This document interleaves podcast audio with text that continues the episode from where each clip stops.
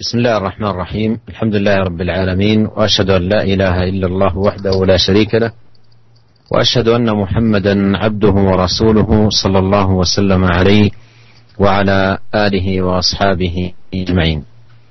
لا نزال في باب الأمر بالمعروف والنهي عن المنكر ونحن في هذا اليوم في خاتمة هذا الباب. أورد رحمه الله تعالى حديث ابن مسعود رضي الله عنه قال قال رسول الله صلى الله عليه وسلم إن أول ما دخل النقص على بني إسرائيل أنه كان الرجل يلقى الرجل فيقول يا هذا اتق الله ودع ما تصنع فإنه لا يحل لك. ثم يلقاه من الغد وهو على حاله لا يمنعه ذلك أن يكون أكيله وشريبه وقعيده. فلما فعلوا ذلك ضرب الله على قلوبهم بعضهم ببعض ثم قال لعن الذين كفروا من بني إسرائيل على لسان داود وعيسى بن مريم. على لسان داود وعيسى بن مريم ذلك بما عصوا وكانوا يعتدون كانوا لا يتناهون عن منكر فعلوه لبئس ما كانوا يفعلون. ترى كثيرا منهم يتولون الذين كفروا. لبئس ما قدمت لهم أنفسهم أن سخط الله عليهم وفي العذاب هم خالدون. ولو كانوا يؤمنون بالله والنبي وما أنزل إليه ما اتخذوهم أولياء ولكن كثيرا منهم فاسقون. ثم قال آه كلا والله لتأمرن بالمعروف ولتنهون عن المنكر. ولتأخذن على يد الظالم ولتأطرنه على الحق أطرا ولتقصرنه على الحق قصرا أو ليضربن الله بقلوب بعضكم على بعض ثم ليلعن ليلعنكم كما لعنهم.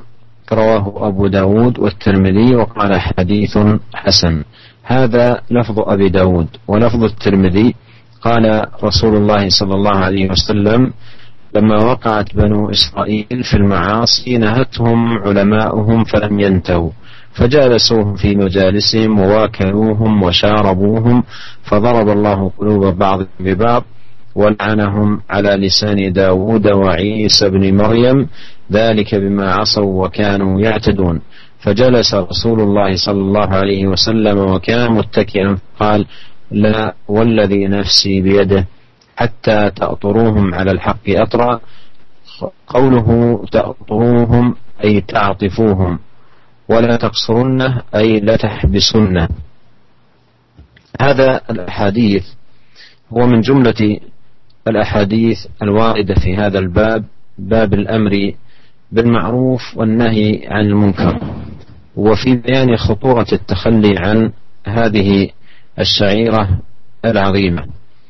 وذكر عليه الصلاة والسلام في هذا الحديث أن بني إسرائيل أول ما دخل عليهم النقص وبدأ فيهم الخلل أن الرجل فيهم كان يلقى صاحبه فيناصحه ويحذره وينكر عليه ويبين له خطأ فعله ثم إنه يلقاه من الغد وهو على الحال نفسها لم يتغير ولم يتبدل فلا يمنعه ذلك من أن يكون اكيلا أو شريبا أو قعيدا له.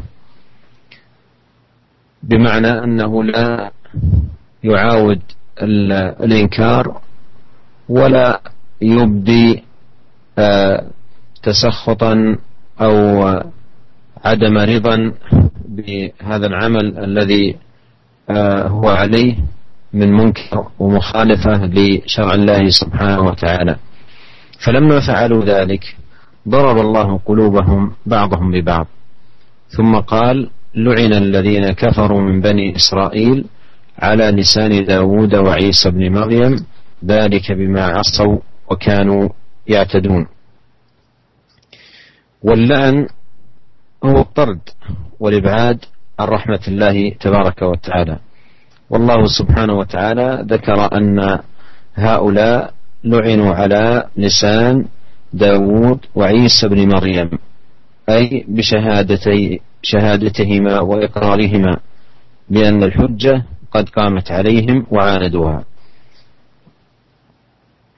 وقوله ذلك بما عصوا وكانوا يعتدون أي ذلك اللعن الذي حل بهم كان بسبب عصيانهم وظلمهم وبعدهم عن الأسباب التي تنال بها آه، رحمة الله سبحانه وتعالى.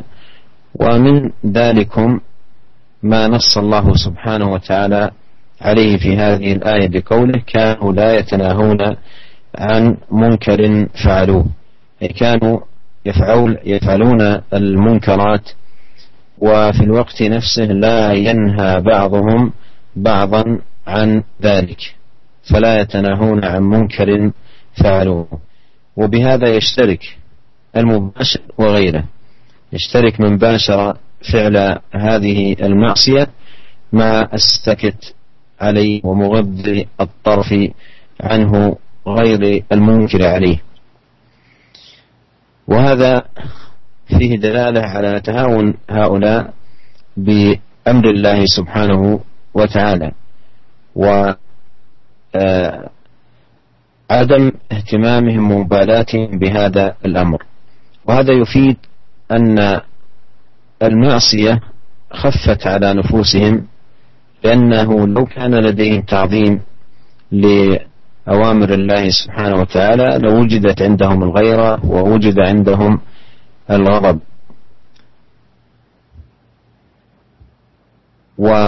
والسكوت عن المنكر مع القدرة على إزالته. يترتب عليه مفاسد عظيمة ذكرها أهل العلم.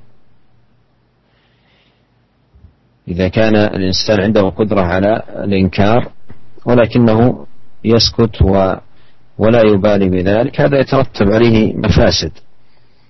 من ذلكم أن مجرد السكوت فعل معصية وإن لم يباشرها الساكت. ومنها أن هذا يدل على التهاون بالمعاصي وعدم المبالاة بأمرها. ومنها أن هذا أيضا يكون سببا لجرأة العصاة والفسقة على الإكثار من المعاصي وقوة شوكتهم في نشرها بين الناس. ومنها أن ذلك سبب لدروس العلم وضياعه وفشو الجهل.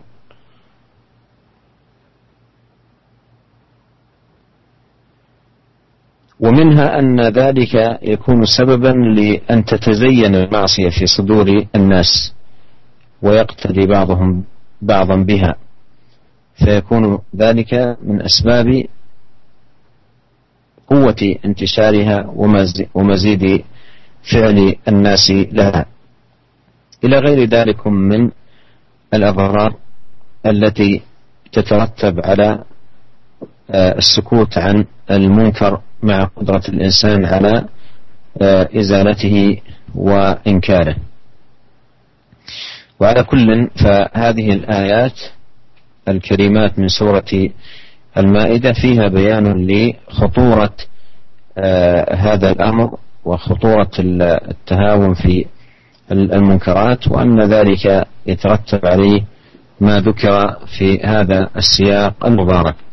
ثم إن النبي عليه الصلاة والسلام لما ذكر حال بني إسرائيل وكيف أن اللعنة آه، حلت عليهم بسبب آه، أنهم لا يتناهون عن منكر فعلوه عقب صلى الله عليه وسلم ذلك بقوله كلا والله لا تأمرن بالمعروف ولا تنهون عن المنكر ولا تأخذن على يد الظالم.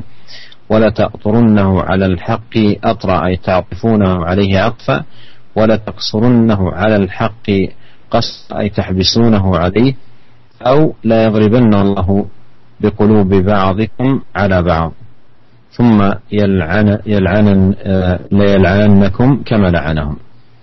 ولا شك أن هذا فيه تحذير لهذه الأمة من هذا الخطر الذي حل ببني آه، إسرائيل. باستهانتهم بأمر المنكرات وعدم آه، إنكارهم لها حتى آل الأمر إلى ما آل إليه فاستحقوا بذلكم حلول اللعنة. فنسأل الله عز وجل أن يحفظنا والمسلمين وأن يعيننا أجمعين على طاعته وما يقرب إليه سبحانه وتعالى وأن يعيذنا أجمعين من منكرات الأخلاق والأهواء والأدواء إنه سميع الدعاء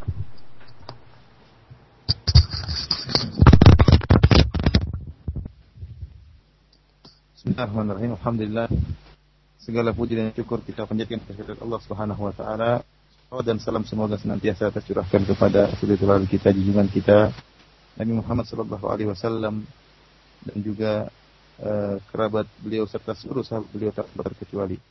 Para pendengar radio Raja yang dirahmati oleh Allah Subhanahu wa taala, uh, kita uh, masih berada di bab tentang perintah untuk melaksanakan amar ma'ruf uh, nahi mungkar dan kita sudah berada di penghujung bab ini.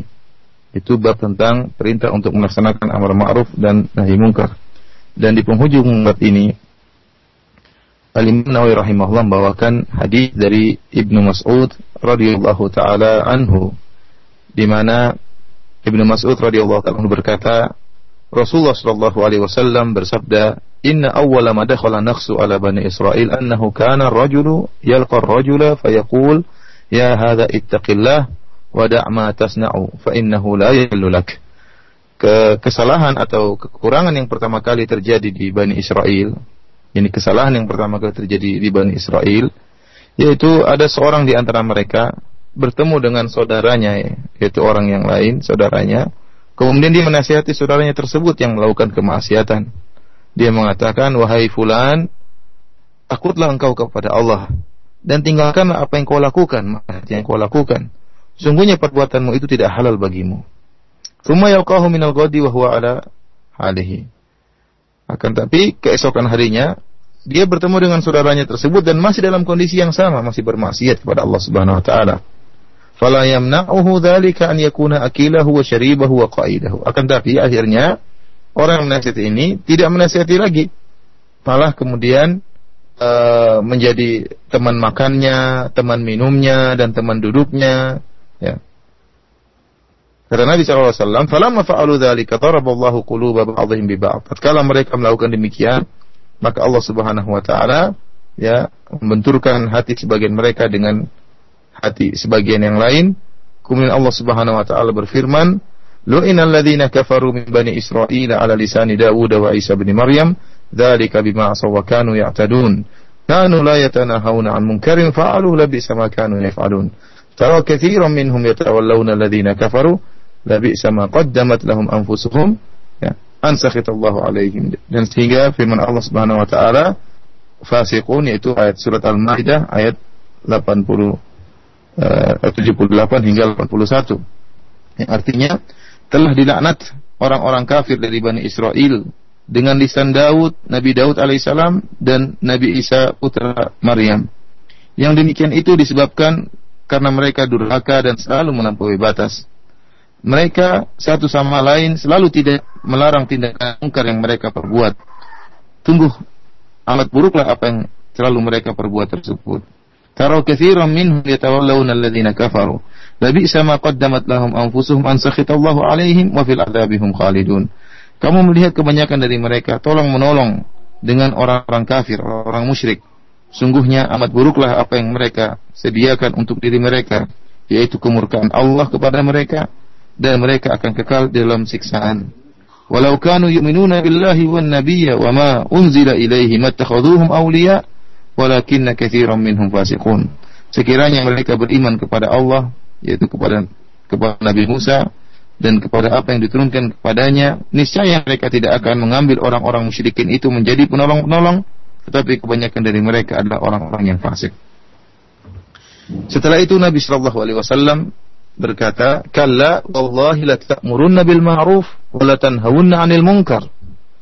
Ya, kata Nabi Wasallam, hendaknya demi Allah, hendaknya kalian sungguh-sungguh ya memerintahkan atau menyeru kepada perbuatan ma'ruf dan sungguh-sungguh kalian menghalangi dari kemungkaran wala ta'khudunna wala ta'khudunna ala yadi zalim wala ta'tirunnahu 'ala al-haqqi aqra dan sungguh-sungguh kalian akan mengambil uh, tangan seorang berbuat zalim kemudian kalian mendorong dia untuk melakukan kebaikan wala taqsurunnahu 'ala al-haqqi qasra dan kalian sungguh-sungguh akan menghalangi dia agar tidak terjerumus dalam perbuatan maksiat dan menghalangi dia untuk tetap berada di atas kebenaran.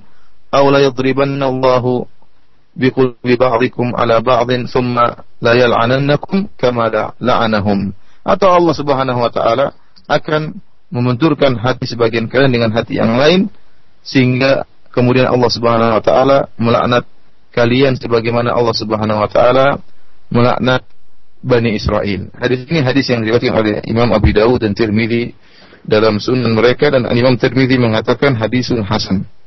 Lafal yang tadi kita bacakan adalah lafal yang diriwayatkan oleh Imam Abu Dawud dalam sunannya.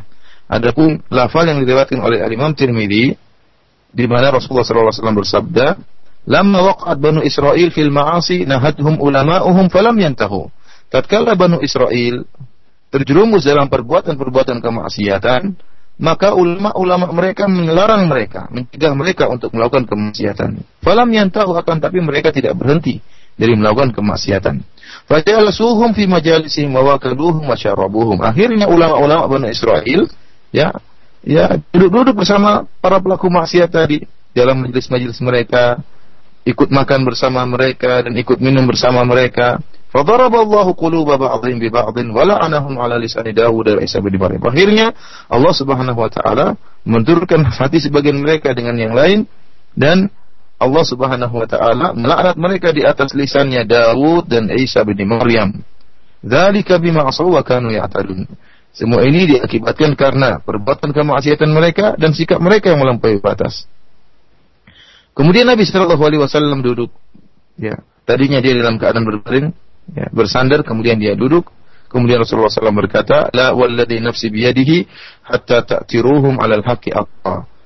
Tidak demi zat yang jiwaku berada di tangannya ya sampai kalian ya e, membawa mereka itu pelaku kezaliman untuk dibawa kepada kebenaran. Para pendengar yang dirahmati oleh Allah Subhanahu wa taala, hadis ini merupakan e, termasuk hadis-hadis yang menjelaskan tentang pentingnya al-amr bil ma'ruf wa nahy 'anil munkar dan menjelaskan tentang bahayanya sikap meninggalkan al-amr bil ma'ruf wa nahy 'anil munkar. Dalam hadis ini dijelaskan bagaimana kerusakan yang pertama kali terjadi di Bani Israel, yaitu sikap seorang yang dia tidak bernahi mungkar. Tadinya pertama kali seorang yang baik ini bernahi mungkar kepada saudaranya. Ketika saudaranya melakukan kemaksiatan maka dia tegur. Ya. Akan tapi saudara yang ditegur tadi tidak berhenti. Akhirnya keesokan harinya yang menegur tidak menegur lagi, meninggalkan nahyu anil mungkar, meninggalkan amur bil ma'ruf padahal sebelumnya pada hari sebelumnya, kemarin dia masih menjelaskan tentang bahayanya kemaksiatan. Dia jelaskan dengan baik kepada saudaranya bahwa ini tidak halal, ini adalah haram. Akan tapi pada keesokan hari dia berhenti dari menjelaskan. Dia berhenti dari mencegah saudaranya untuk melakukan kemaksiatan. Bahkan dia pun ya, duduk bersama pelaku maksiat tersebut, makan bersama pelaku maksiat tersebut, minum bersama pelaku maksiat tersebut. Hal inilah yang akhirnya mendatangkan taknat Allah Subhanahu wa taala kepada mereka Bani Israel. Sebabnya gara-gara meninggalkan al-amr bil ma'ruf wa nahy anil munkar. Dan laknat artinya terjauhkan dari rahmat Allah Subhanahu wa taala. Allah Subhanahu wa taala menyebutkan bahwasanya Bani Israel dilaknat oleh Allah Subhanahu wa taala melalui lisan Nabi Daud dan lisan Isa bin Maryam. Artinya apa? Dengan persaksian mereka berdua. Ya. Bahwasanya Nabi Daud dan Nabi Isa alaihi wasallam mengakui bahwasanya hujah telah tegak pada Bani Israel. Akan tapi Bani Israel tetap menentang ya hujah tersebut. Tidak peduli dengan hujah tersebut sehingga Allah Subhanahu wa taala melaknat mereka. Allah Subhanahu wa taala melaknat mereka akibat maksiat yang mereka lakukan, akibat kehidupan yang mereka lakukan dan akibat dari jauhnya mereka dari hal-hal yang bisa mendatangkan rahmat Allah Subhanahu wa taala. Di antaranya yang menyebabkan mereka terlaknat yaitu apa? Kanu la yatanahawna 'an munkarin fa'alu. Mereka tidak saling ya nasihat menasihati untuk meninggalkan kemungkaran. Mereka melakukan kemungkaran, di antara mereka yang melakukan kemungkaran, namun yang tidak melakukan kemungkaran tidak menasihati, tidak mencegah orang-orang melakukan kemungkaran.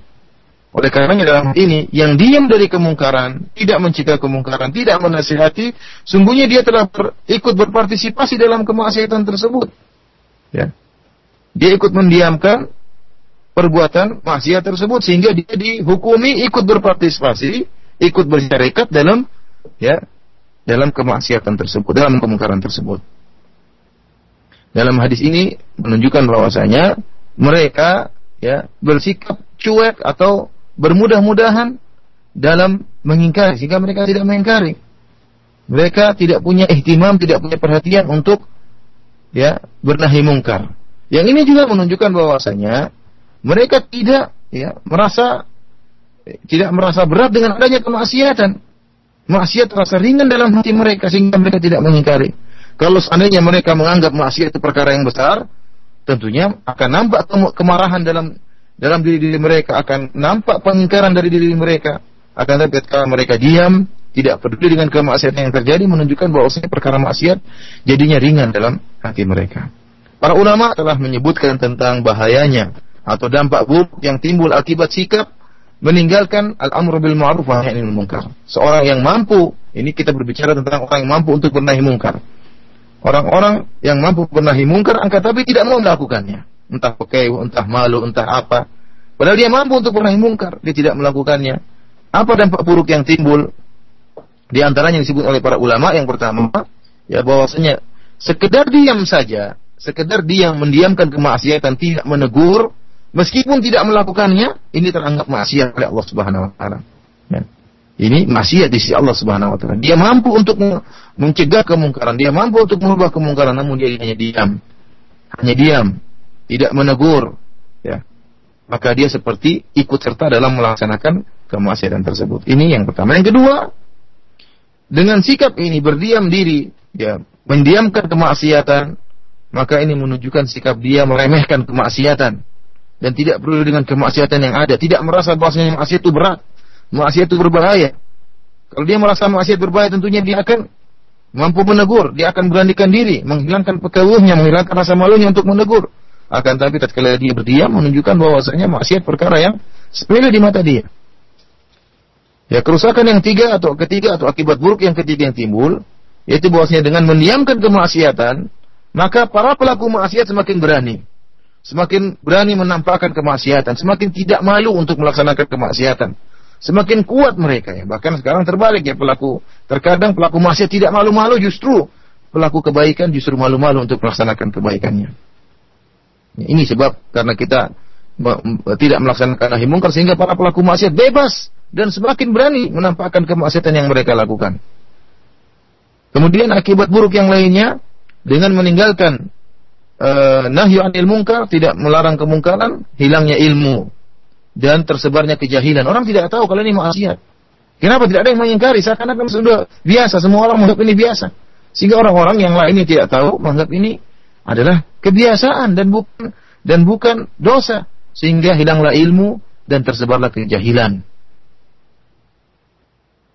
Kemudian di antara dampak buruk dari mendiamkan kemaksiatan yaitu kemaksiatan terhiaskan di hati-hati sebagian manusia.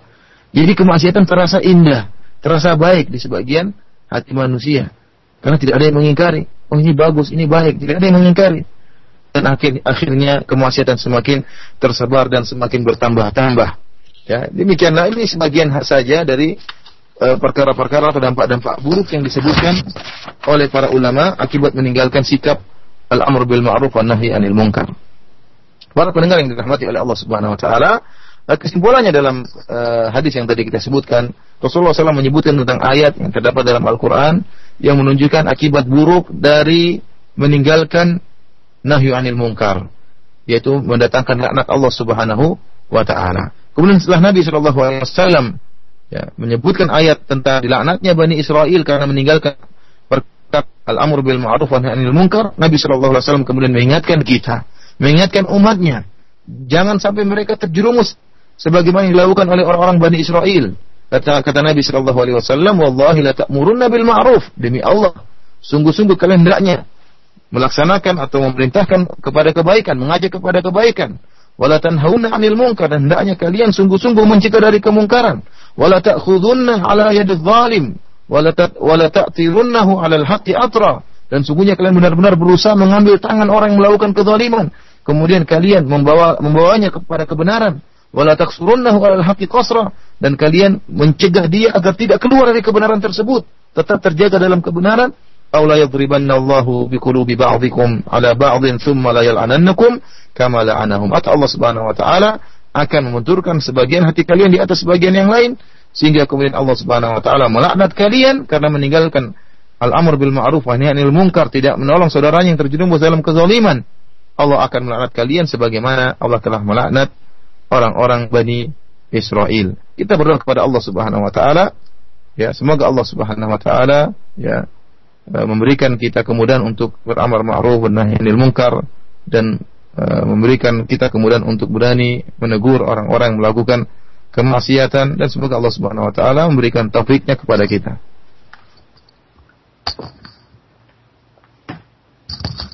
ثم أورد الإمام النووي رحمه الله تعالى حديث أبي بكر الصديق رضي الله عنه وأرضاه وبه ختم هذه الترجمة باب الأمر المعروف والنهي عن المنكر. أن أبا بكر الصديق رضي الله عنه قال يا أيها الناس إنكم لتقرؤون هذه الآية. يا أيها الذين آمنوا عليكم أنفسكم. لا يضركم من ضل إذا اهتديتم. وإني سمعت رسول الله صلى الله عليه وسلم يقول إن الناس إذا رأوا الظالم فلم يأخذوا على يده أوشك أن يعمهم الله بعقاب منه. رواه أبو داود والترمذي والنسائي بأسانيد صحيحة. والإمام النووي رحمه الله ساق هذا الحديث في تمام هذه الترجمة حتى لا يقول إن آه، قائل آه، إنني إذا اهتديت في نفسي واستقمت وتجنبت المعصية لا يضرني آه، كون الناس ارتكبوا المعاصي وفعلوا آه، الذنوب. ويحتج على ذلك بالآية لا يضركم من ضل إذا اهتديتم. وأبو بكر رضي الله عنه قال إنكم تقرؤون هذه الآية لكن نبه على أن أن بعض الناس قد يخطئ في الفهم فدفع هذا الخطأ بالحديث الذي يرويه عن النبي صلى الله عليه وسلم أنه قال إن الناس إذا رأوا الظالم فلم يأخذوا على يديه على يده أو يديه أوشك أن يعمهم الله بعقاب منه. أوشك أن يعمهم الله بعقاب منه. فإذا الآية في قوله إذا اهتديتم من جملة الهداية المشار إليه في الآية الكريمة أن يأمر الإنسان بالمعروف وينهى عن المنكر. فهذا من جملة الهداية التي لا يضر الإنسان بعدها من ضل أو ضلال من ضل. أما أن يستدل بالآية على الغاء المعروف والنهي عن المنكر وترك هذه الشعيرة فهذا استدلال في غير محله كما بين ذلكم آه، صديق الأمة رضي الله عنه وأرضاه.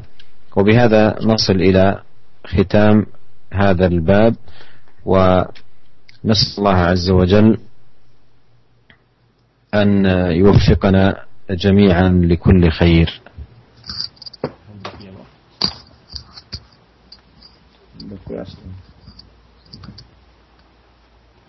Para pendengar yang dirahmati oleh Allah Subhanahu wa taala, kemudian Imam Nawawi rahimahullah membawakan uh, hadis yang terakhir dalam bab ini, bab perintah untuk melaksanakan al-amr bil ma'ruf dan menegakkan nahi anil munkar dari sahabat yang mulia Abu Bakar As-Siddiq radhiyallahu taala anhu di mana beliau berkata Ya ayuhan nas innakum la taqra'una hadhil ayah.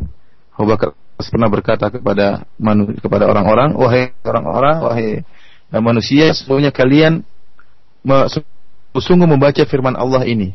Ya ayyuhalladzina amanu alaikum anfusakum la yadhurrukum man dhalla idza taitum. Surat Al-Maidah ayat 105. Yang artinya wahai orang-orang yang beriman, ya, perhatikanlah diri kalian sungguhnya e, tidak akan beri kemudaratan kepada kalian orang yang tersesat jika kalian mendapatkan hidayah. Kemudian kata Abu Bakar radhiyallahu taala anhu, "Wa inni sami'tu Rasulullah sallallahu alaihi wasallam yaqul." Dan sungguh aku telah mendengar Rasulullah sallallahu alaihi wasallam bersabda, "Innan nasa idza ra'aw dhalima falam ya'khudhu 'ala yadayhi ausyaka an ya'ummahumullahu biiqabin min." Sungguhnya orang-orang jika mereka melihat ada seorang yang zalim, kemudian mereka tidak mengambil kedua tangannya, tidak mencegahnya, maka hampir-hampir Allah Subhanahu wa taala akan menurunkan iqab yang mengenai mereka semuanya dari hukuman dari Allah menurunkan hukuman dari Allah Subhanahu wa taala yang menimpa mereka semuanya. Hadis ini diriwayatkan oleh Abu Dawud dan Tirmizi dan Nasai dengan sanad-sanad yang sahih. Para pendengar yang dirahmati oleh Allah Subhanahu wa taala, hadis ini adalah hadis yang terakhir yang sengaja dibawakan oleh Al-Imam Nawawi rahimahumullah di akhir hadis tentang di akhir bab tentang perintah untuk menegakkan amar ma'ruf nahi mungkar. Ya. Kenapa dibawakan hadis yang terakhir ini? Agar jangan sampai ada orang yang salah paham dan meninggalkan amar ma'ruf nahi mungkar dengan mengatakan yang penting saya baik, yang penting saya dapat hidayah. Urusan orang-orang lain tidak mendapatkan hidayah, urusan orang-orang lain banyak kebanyakan orang tersesat itu urusan mereka. Yang penting saya dapat dapat hidayah. Ya, dan kondisi mereka yang terjerumus dalam kemaksiatan, kondisi mereka yang tersesat tidak akan memberikan kemudaratan kepadaku. Kemudian orang yang salah paham ini berdalil dengan firman Allah Subhanahu wa taala dalam surat Al-Maidah ayat 105 di mana Allah Subhanahu wa taala berfirman, "Wahai orang-orang yang beriman, jagalah dirimu tidak tiadalah orang yang sesat itu akan memberi kemudaratan kepadamu apabila kamu telah mendapatkan petunjuk." Ya, jadi dia merasa ayat ini menunjukkan jika kita sudah mendapatkan hidayah, maka rusaknya orang-orang terjerumusnya masyarakat dalam kemaksiatan tidak akan berikan kemudaratan kepada kita. Akan tapi ini pemahaman yang keliru. Ini merupakan pemahaman yang keliru. Oleh karenanya Abu Bakar radhiyallahu taala anhu mengingatkan tentang kesalahpahaman ini. Abu Bakar radhiyallahu anhu membacakan ayat ini kemudian dia ingin membantah kesalahpahaman dalam memahami ayat ini dengan membawakan hadis yang diriwayatkan oleh Abu Bakar yang di mana beliau mendengar Nabi Shallallahu Alaihi Wasallam bersabda, sungguhnya inna nasa idza ra'au zalim Orang-orang jika melihat ada seorang yang berbuat zalim, falam ya'khudhu ala yadayhi, kemudian mereka tidak mencegah orang zalim tadi dari perbuatan kezalimannya, au syaka an ya'ummahumullahu biiqabin min. Maka hampir-hampir Allah Subhanahu wa taala akan menurunkan hukuman kepada yang akan menimpa mereka seluruhnya. Ini menunjukkan bahwasanya uh, ayat ini justru ya menyuruh kita untuk beramal ma'ruf nahi mungkar. Jadi maksud dari ayat ini ya ayyuhalladzina amanu alaikum anfusakum la yadhurrukum man dhalla ila tadaitum. Artinya wahai orang yang beriman, hendaknya kalian menjaga diri kalian. Ya. Dan tidak akan memberikan kemudaratan kepada kalian orang-orang yang tersesat. Idza tadaitum jika kalian mendapatkan hidayah. Di antara hidayah yang kita yang diperoleh oleh seorang yaitu jika dia menegakkan amar ma'ruf nahi mungkar. Artinya apa jika seorang dia ada, dia adalah seorang yang soleh, kemudian dia beramar ma'ruf, kemudian juga bernahi mungkar. Setelah itu, jika dia terus melaksanakan amal ma'ruf nahi mungkar, maka kerusakan orang-orang tidak akan beri kemudaratan kepada dia. Bukan sebaliknya, justru ayat ini dijadikan dalil untuk meninggalkan al-amr al-amr bil ma'ruf wan nahyu anil munkar. Ya. Demikianlah para pendengar yang dirahmati oleh Allah Subhanahu wa taala, kita telah sampai di penghujung dari bab perintah untuk menegakkan amar ma'ruf dan nahi mungkar dan kita berdoa kepada Allah Subhanahu wa taala. Semoga Allah Subhanahu wa taala senantiasa memberikan uh, taufiknya kepada kita semua. Selanjutnya anak kembalikan kepada akhir Ihsan. Jazakallah khair kami ucapkan kepada Fadilat Syekh Abdul Razak bin Abdul Muhsin Al-Badar Allah Ta'ala dan Abu Ustaz Abu Abdul Muhsin Firanda atas terjemahan dari pelajaran kita sehari-hari ini. Beberapa pertanyaan melalui pesan singkat telah masuk ke meja redaksi uh, saat kita akan angkat beberapa atau sebagiannya. Assalamualaikum warahmatullahi wabarakatuh. Fik ya Syekh. Pertanyaan pertama dari pendengar kita, bagaimana apabila pelaku suatu kemaksiatan sudah dinasehati, ditegur dan diberikan uh, penjelasan tentang larangan dari perkara tersebut akan tetapi mereka terus melakukan kemaksiatan tersebut. Apakah sikap uh, pelarangan terhadap kemaksiatan tersebut berhenti ketika melihat pembangkangan atau ketidakpatuhan mereka terhadap apa yang kita nasihati. Mohon penjelasannya jazakallah khair. قمنا بنصيحة هؤلاء الأصحاب وهم يستمرون على عصيانهم ونصحناهم مرة ثانية وهم يستمرون كذلك فعندما رأينا أنهم يعملون تركناهم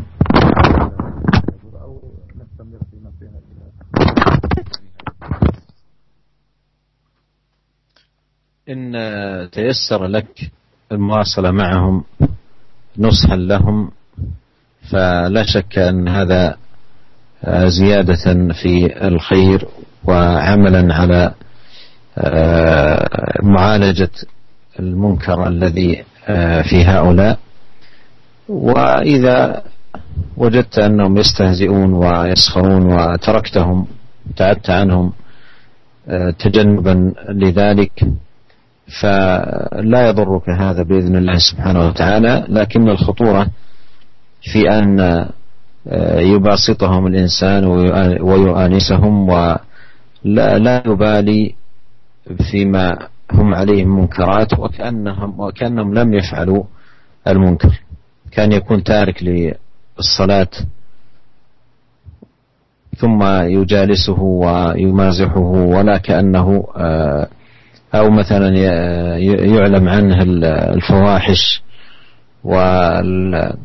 ونحو ذلك ثم يجالسه وكأنه لا يفعل شيئا فهذا هذا الذي فيه الخطورة. أما إذا كان يستهزئ ولم يستطع الإنسان أن يتحمل استهزاءه أو خشي على نفسه أيضا منه وتجنبه وتحاشاه فهذا لا يضره بإذن الله عز وجل.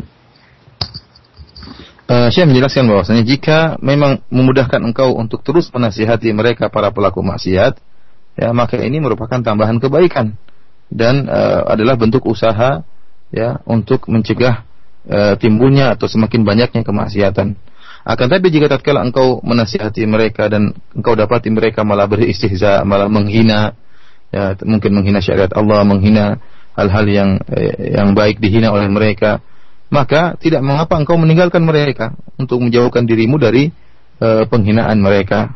Akan tapi yang berbahaya, kata Syekh yang berbahaya adalah jika seorang e, selain meninggalkan nasihat, dia juga bersikap ramah tamah dengan para pelaku maksiat tersebut, malah e, bercanda dengan mereka, ya, tidak peduli dengan apa yang mereka kemaksiatan yang mereka lakukan, seakan-akan mereka tidak berdosa sama sekali.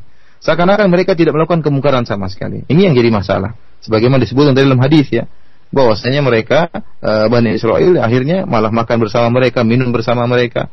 Contohnya seperti orang yang meninggalkan sholat. Ya. Engkau dapati ada ada orang meninggalkan sholat, atau orang-orang mendapati ada seorang meninggalkan sholat, namun mereka cuek dengan uh, orang yang meninggalkan sholat ini. Seakan-akan orang yang meninggalkan sholat ini tidak melakukan kesalahan sama sekali. Justru mereka bercanda sama yang meninggalkan sholat ini, malah ngobrol bersama dia. Tidak ada pengingkaran sedikit pun dan seakan-akan orang yang meninggalkan sholat ini tidak melakukan kesalahan apa, apa, apa sama sekali. Sebagaimana juga jika diketahui ada seorang pelaku maksiat, pelaku perbuatan fahisyah, mungkin zina dan yang lainnya. Ini terkenal orang ini suka melakukan perbuatan keji. Kemudian orang-orang lain cuek dengan orang ini malah malah diajak ngobrol seperti temannya sendiri, seperti tidak akan tidak melakukan kesalahan sama sekali.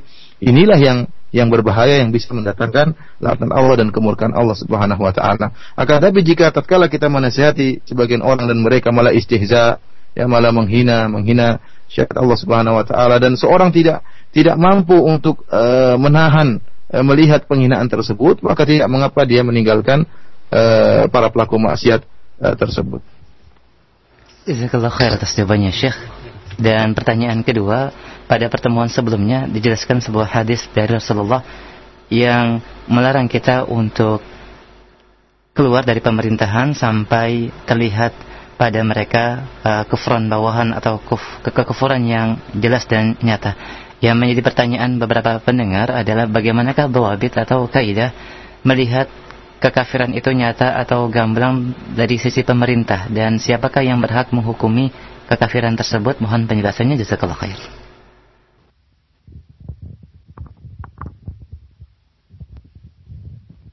هذا المقام النظر فيه ليس لآحاد الناس وأفراد المسلمين ومن لا علم عنده ولا فقه وإنما هذا مقام لأهل العلم الراسخين الذين لهم فهمهم ودرايتهم أولا بالشرع وثانيا بواقع الحال ولهم البصيرة والنظر في في العواقب والمآلات.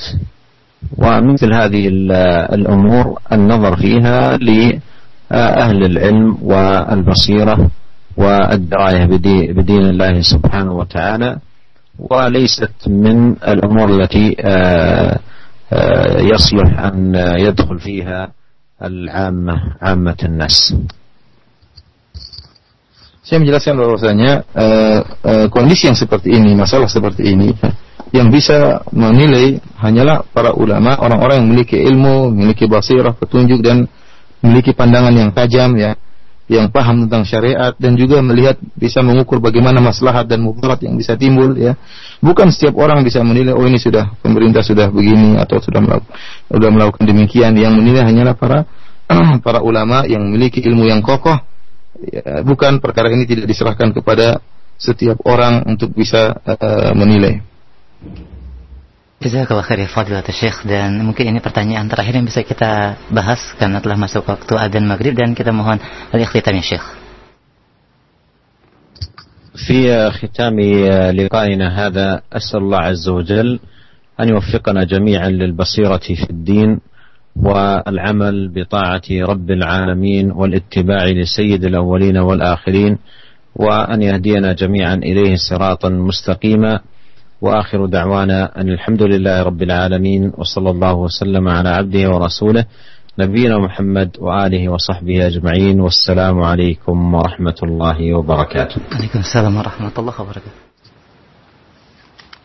Uh, demikianlah para pendengar yang dirahmati oleh Allah Subhanahu wa taala kajian kita pada kesempatan kali ini kita berdoa kepada Allah Subhanahu wa taala agar senantiasa memberikan taufiknya dan hidayahnya kepada kita semua dan memudahkan kita untuk bisa melaksanakan ketaatan-ketaatan kepada Rabbul Alamin penguasa alam semesta ini ya dan agar kita bisa dimudahkan untuk ittiba mengikuti meneladani sunnah-sunnah Rasulullah sallallahu alaihi wasallam dan agar Allah Subhanahu wa taala senantiasa memberikan petunjuk kita kepada jalan yang lurus sungguhnya Allah Subhanahu wa taala Maha mendengar permohonan hambanya dan maha mengabulkan permohonan hambanya.